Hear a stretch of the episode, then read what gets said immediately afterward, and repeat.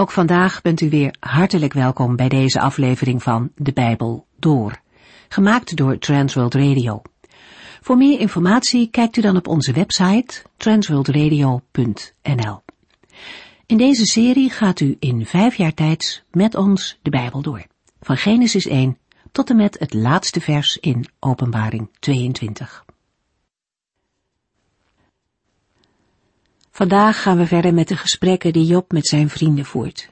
De vorige keer hebben we hoofdstuk 16 en 17 besproken. Job komt tijdens zijn antwoord aan Elifas tot de indrukwekkende uitroep dat hij weet dat, ondanks alles, zijn pleitbezorger in de hemel is. Ook al bespotten mijn vrienden mij, mijn oog richt zich huilend op God. En dat is ook het geheim van Job. Door het hele boek heen, door al zijn lijden heen, laat hij God niet los. Job heeft geen gemakkelijke relatie met God. Integendeel, hij begrijpt helemaal niets van God en dat laat Job hem ook weten. Job verwijt God veel van wat hij meemaakt. Hij ervaart het alsof God zijn tegenstander is en toch blijft hij God zoeken. Hij keert God niet terug toe. Ook al begrijpen wij soms ook niets van wat de Heere God toelaat, toch is Hij de enige naar wie we toe kunnen gaan. En op grond van de Bijbel mogen we vertrouwen dat Hij ons niet zal laten vallen. De vrienden van Job laten steeds opnieuw zien dat ze er echt niets van begrepen hebben. En Job verwijt Elifas dat hij lege woorden spreekt. Zijn woorden brengen geen troost, maar ze verergeren de moeite juist. In hoofdstuk 17 staat Job stil bij zijn naderende einde. Hij verwacht geen uitkomst meer uit zijn lijden. En de spot en afkeer van mensen maken zijn dagen nog moeilijker. De mensen om hem heen hebben geen enkel begrip en tonen ook geen medelijden. Job was in zijn eigen dagen al een spreekwoord onder de mensen geworden. En nog steeds is het gezegde, zo arm als Job, bekend.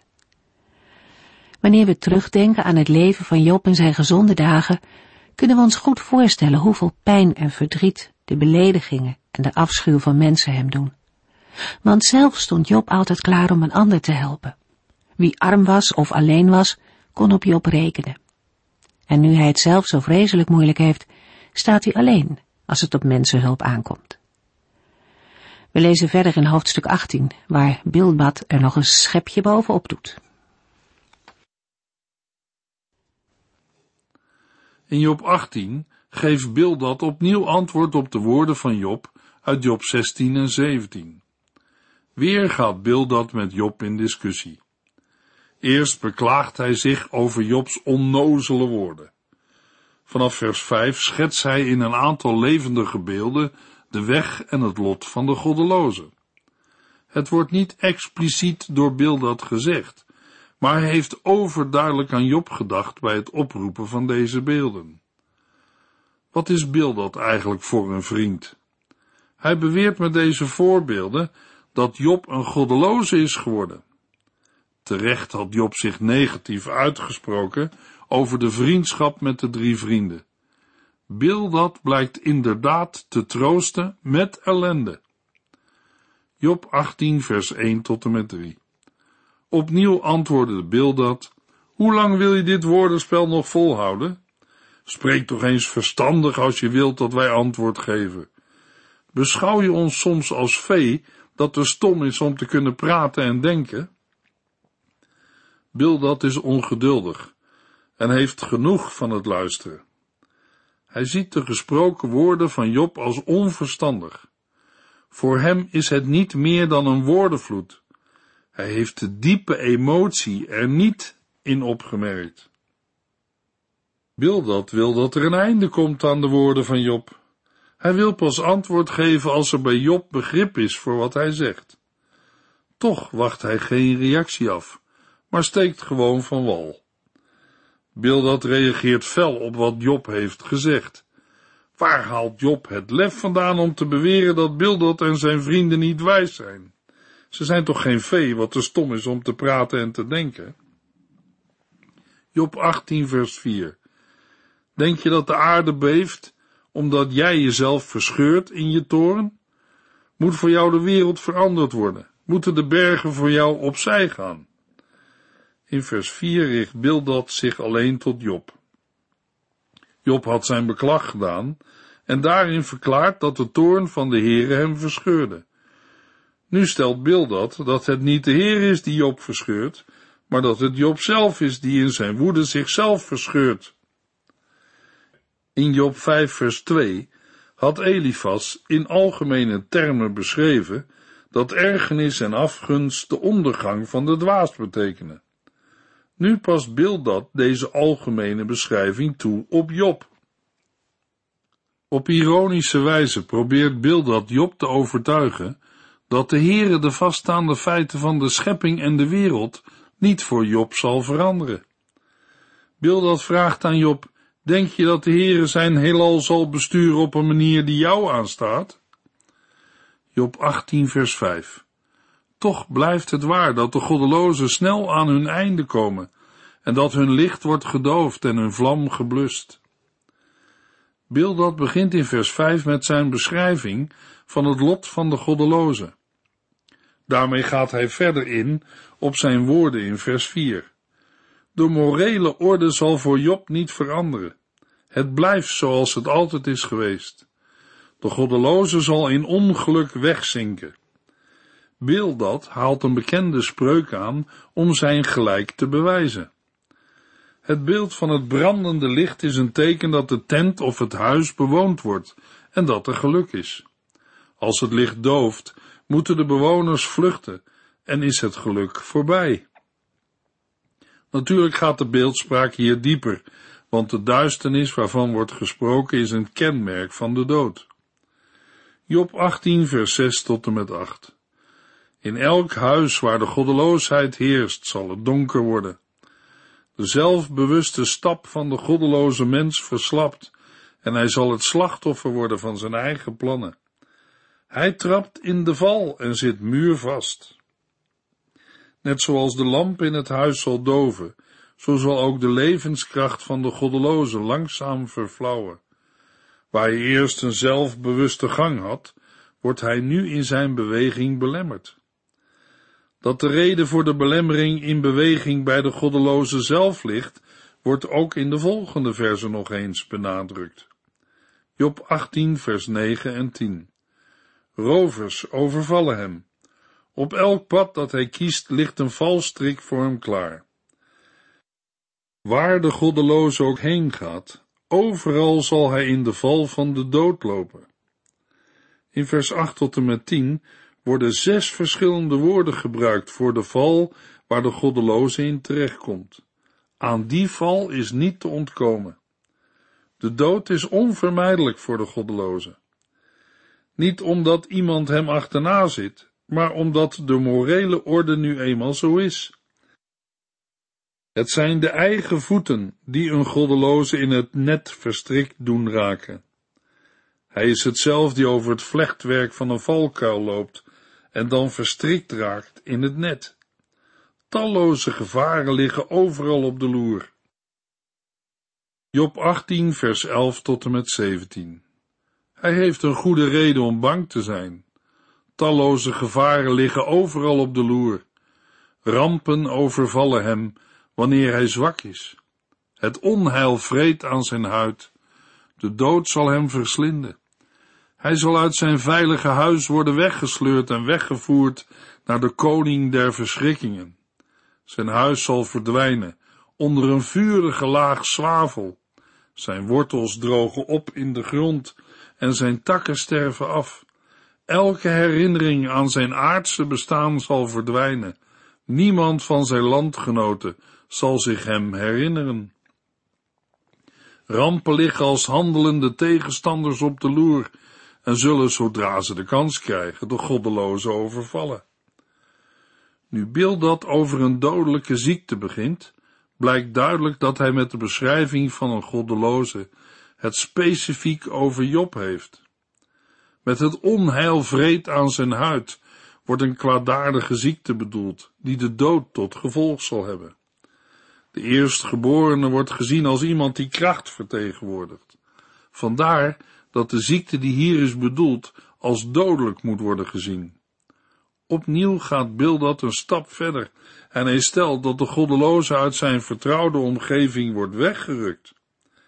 Deze denkt veilig te zijn in zijn eigen woning, maar juist daar waar hij op zijn gemak is, blijkt hij te worden gegrepen.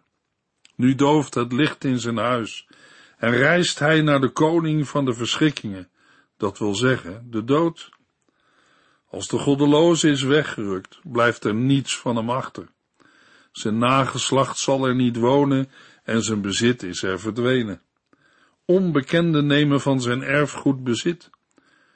Voor mensen is zijn erf onbewoonbaar geworden door de zwavel die erover is uitgestrooid. Dat is voor een semiet een verschrikkelijke ramp. Een ruïne van zijn woning is nog alleen een herinnering aan de ramp die hem en zijn huis is overkomen. In vers 16 wordt de boom als beeld gebruikt voor het leven van een goddeloze. De wortels en de takken zijn de vruchten van zijn leven, zijn materiële bezit en zijn kinderen. Het zal allemaal vergaan. Voor Job zijn deze woorden zwaar om aan te horen, omdat ze hem bepalen bij het verlies van zijn kinderen. Als zijn verwoesting zo volledig is, zal hij snel worden vergeten. Er is niemand van zijn landgenoten meer die zich hem nog herinnert. Job 18, vers 18 tot en met 21. Hij zal vanuit het licht de duisternis in worden gedreven en uit de wereld worden weggejaagd.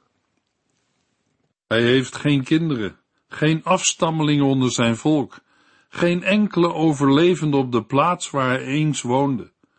Uit alle streken zullen ze beven van angst als zij zien welk lot hem treft. Ja, dat gebeurt met zondaars, met mensen die God de rug toekeren. Bildad grijpt in de versen 18 tot en met 20 terug op de gedachten die hij zojuist heeft geuit in de versen 15 tot en met 17. Maar nu is de goddeloze zelf het onderwerp, in plaats van zijn huis, zijn erf, zijn wortels, zijn oogst en zijn herinnering.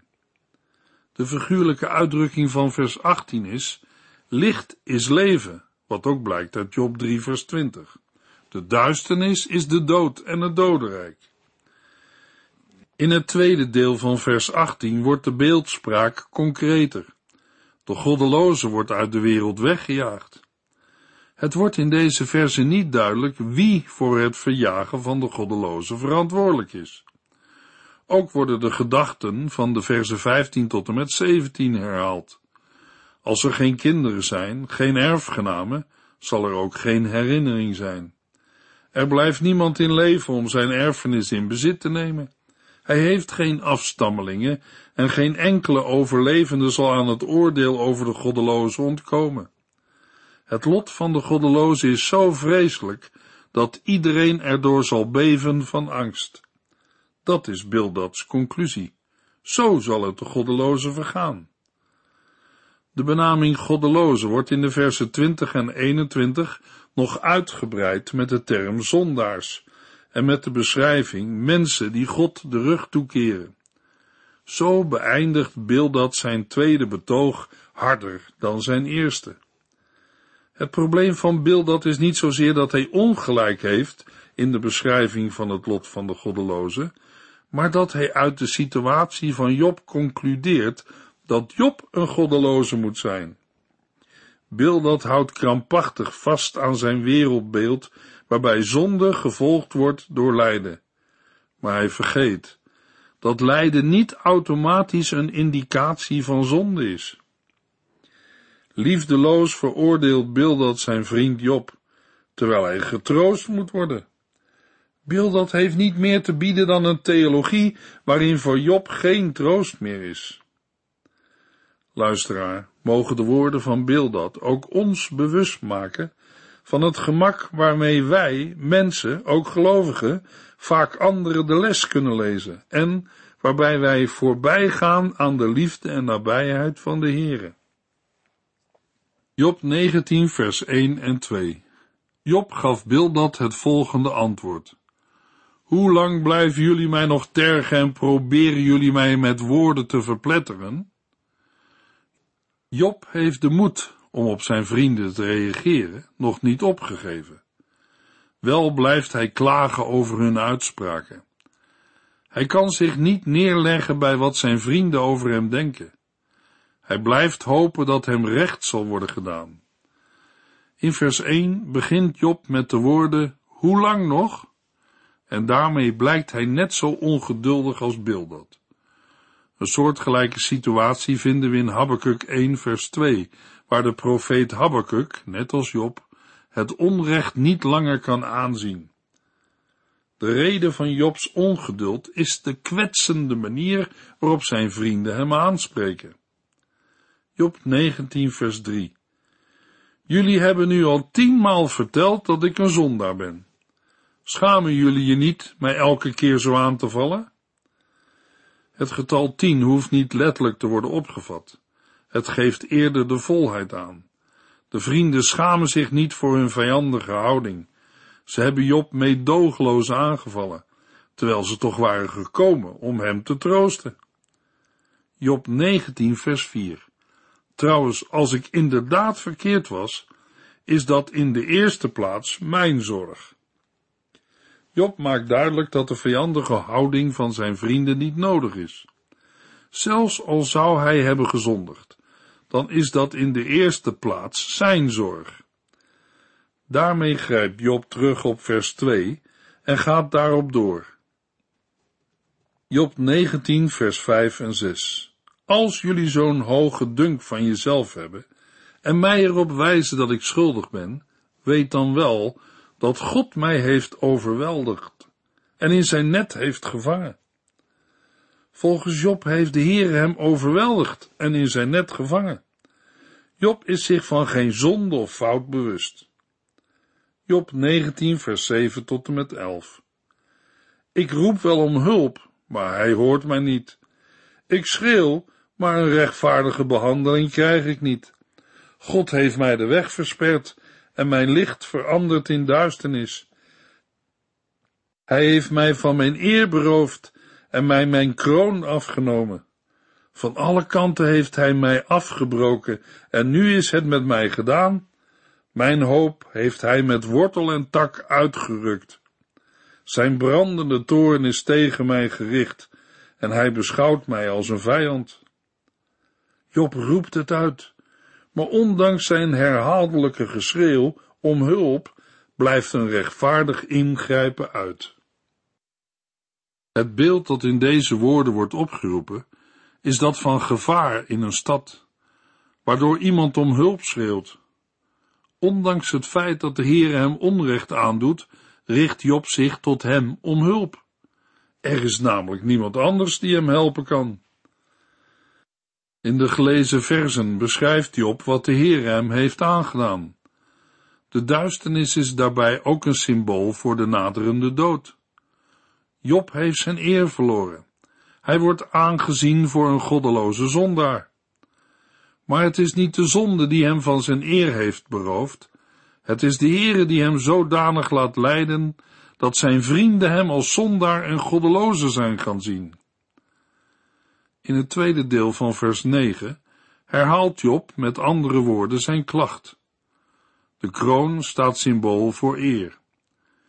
Job beschrijft de uitzichtloosheid van zijn situatie met twee beelden. In eerste instantie gebruikt hij het beeld van een gebouw dat van alle kanten belaagd wordt om vernietigd te worden. Het resultaat is de vernietiging van Job zelf, want het gebouw staat symbool voor zijn leven. Het tweede beeld schetst een nog grotere vernietiging. Ruïnes kunnen weer worden opgebouwd, maar een ontwortelde boom heeft geen kans meer op herstel. Net als die boom heeft Job ook geen hoop meer op herstel. Zijn situatie is uitzichtloos en zonder toekomst. Als God tegen je is, is er geen hoop meer. Job heeft het gevoel dat hij als een stad wordt belegerd. Als een getrainde militaire eenheid trekken de troepen van de heren op tegen de stad. Ze werpen een belegeringswal op om de stad te kunnen veroveren. De stad wordt voor alle hulp van buiten afgesloten, doordat ze is omsingeld. Maar het is een beeld. Het voorwerp van belegering is geen stad, maar Jobs huis. Na het spreken in beelden gaat Job verder met zijn klacht en geeft hij in de versen 13 tot en met 20 weer wat er letterlijk met hem is gebeurd. Alles wat hij heeft meegemaakt, heeft ertoe geleid dat zijn broers en zijn kennissen het contact met hem hebben opgegeven. Ook zijn naaste familieleden en bekenden laten Job in de steek. Ze verbreken liever het contact dan dat ze met iemand worden gezien die overal als zondaar bekend staat. Job 19 vers 20 tot en met 22. Ik ben vel overbeen en heb alleen mijn tandvlees overgehouden. Och, mijn vrienden, heb toch medelijden met mij, want de hand van God heeft mij hard geslagen. Waarom achtervolgen jullie mij net zoals God doet? Krijgen jullie er nooit genoeg van mij te beledigen? Job heeft een trieste conclusie getrokken. Hij is volledig geïsoleerd geraakt. Zijn vertrouwelingen, de mensen die hij lief had, hebben hem in de steek gelaten en zijn tegenover hem komen staan. Het enige wat Job als het ware nog over heeft, is de huid op zijn tanden. En daar zit nu juist geen huid. Hij heeft helemaal niets meer. Vers 20 wil niet zozeer de ziekte van Job beschrijven, maar geeft het gevolg aan van de eenzaamheid, die in de versen 13 tot en met 19 is beschreven. Niets heeft Job meer over, alles is hem afgenomen. Nu hij zo dramatisch onder woorden heeft gebracht hoe hij eraan toe is, richt hij vol emotie zijn aandacht op zijn vrienden. Hartverscheurend is zijn oproep om medelijden. Als zij dan zijn vrienden zijn, dan zouden ze toch begrip moeten hebben voor zijn situatie en zijn kant moeten kiezen. Job 19, vers 23 tot en met 27.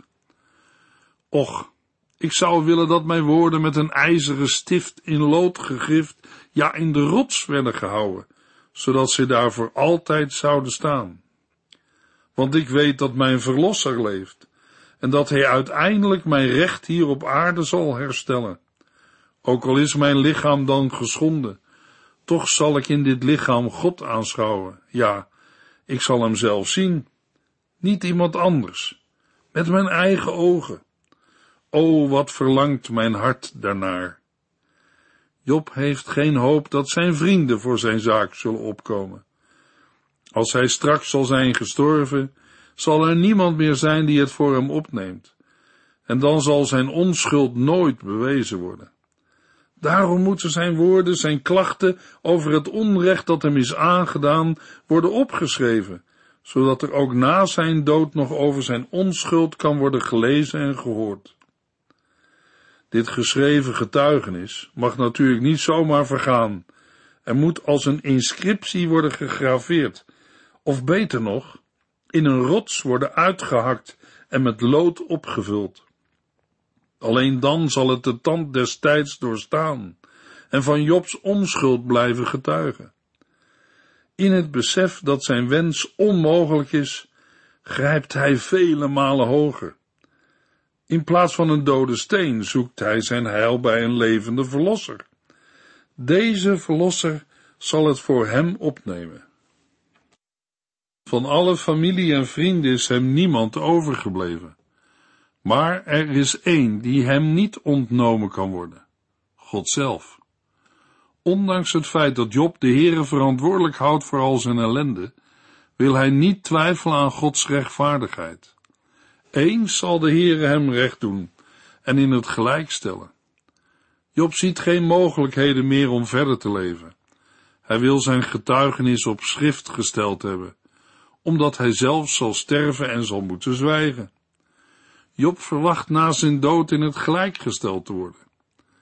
Uit vers 27 kan worden geconcludeerd dat Job vertrouwde op een positief leven na de dood.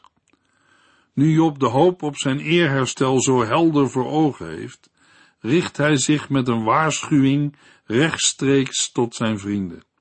Zij moeten weten dat er een oordeel is, zodat ze zullen vrezen.